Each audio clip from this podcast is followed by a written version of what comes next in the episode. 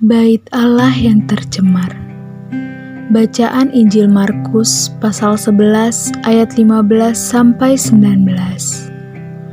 Lalu tibalah Yesus dan murid-muridnya di Yerusalem. Sesudah Yesus masuk ke bait Allah, mulailah ia mengusir orang-orang yang berjual beli di halaman bait Allah meja-meja penukar uang, dan bangku-bangku pedagang marpati dibalikannya. Dan ia tidak memperbolehkan orang membawa barang-barang melintasi halaman bait Allah. Lalu ia mengajar mereka katanya, Bukankah ada tertulis, rumahku akan disebut rumah doa bagi segala bangsa? Tetapi kamu ini telah menjadikannya sarang penyamun.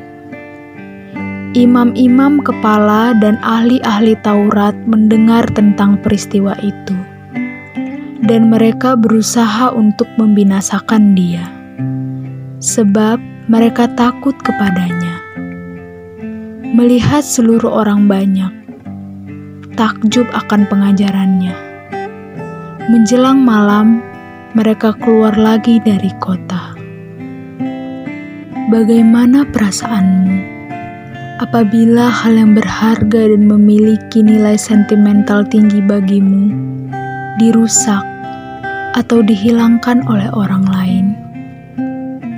Hal yang terlintas pertama adalah marah dan harus meluapkannya.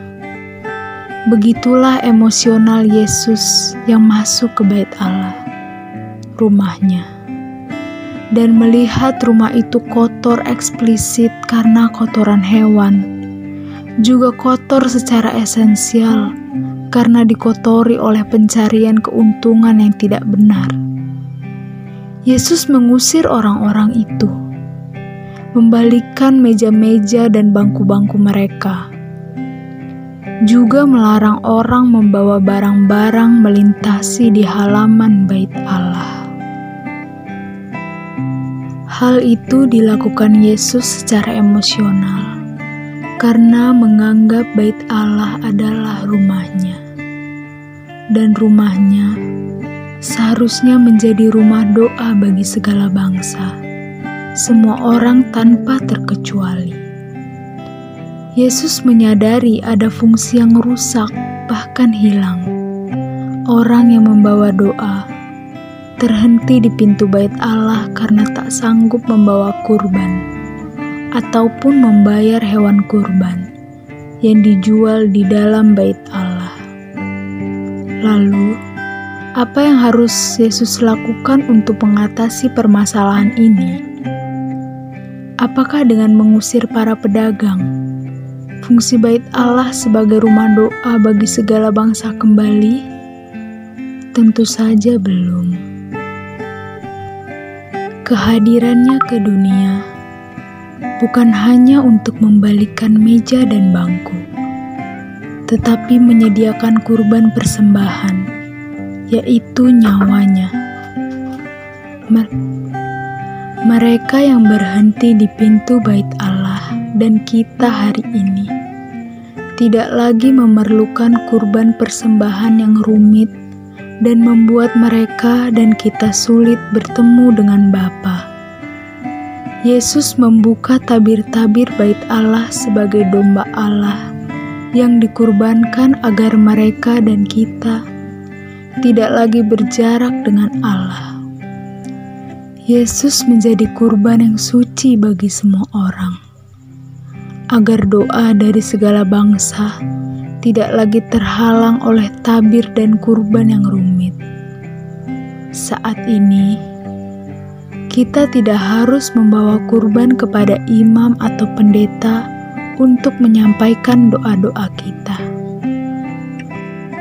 Dalam minggu okuli ini, kita diminta untuk selalu memandang Allah sambil menantikannya.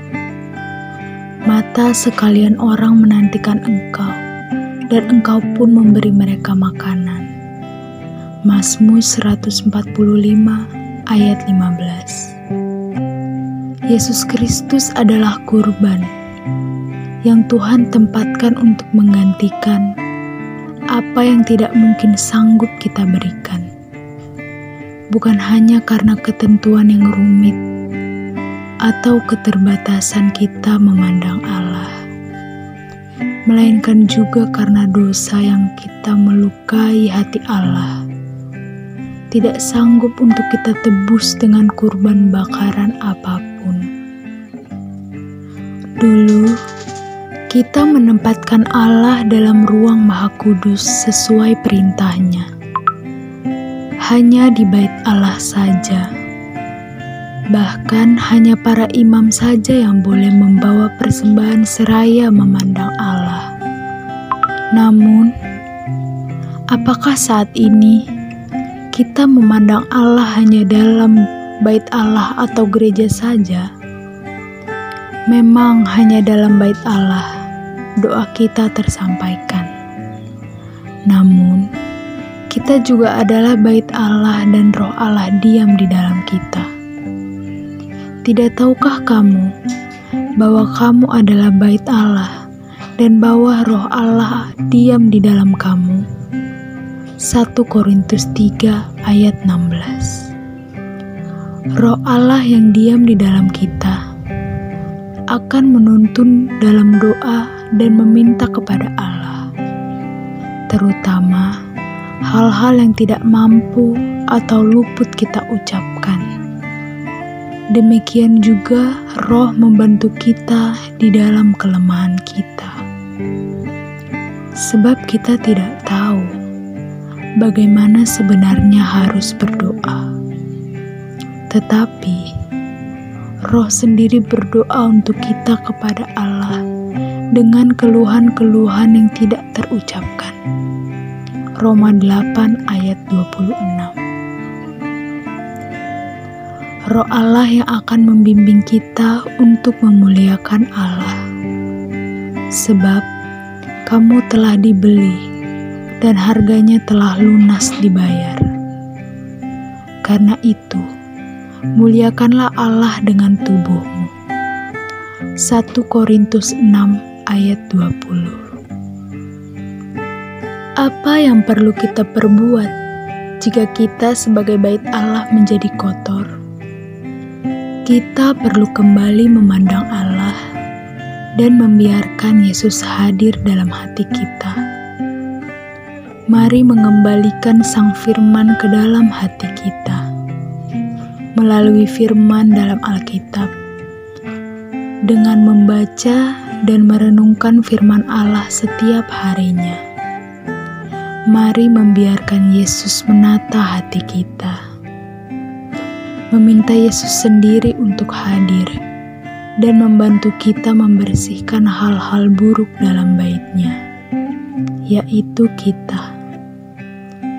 Mari selalu memandangnya setiap saat dan biarlah apa yang menjadi kebutuhan dan keluhan kita tersampaikan oleh roh yang mendiami bait di hati kita.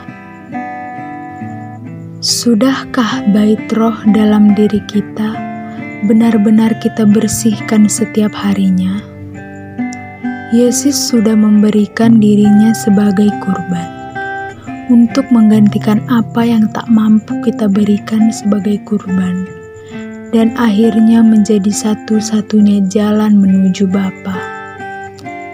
Sudahkah kita mengizinkan Yesus setiap harinya membimbing kita untuk menata hati kita agar Sang Bapa bisa hadir dan membimbing hidup kita? Ataukah kita terlalu sibuk dengan keinginan kita sendiri?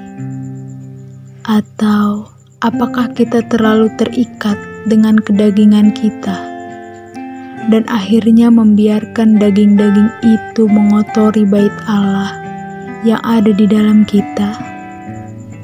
Mari kita bersihkan bait kita sekarang juga, agar Allah nyaman tinggal di bait kita.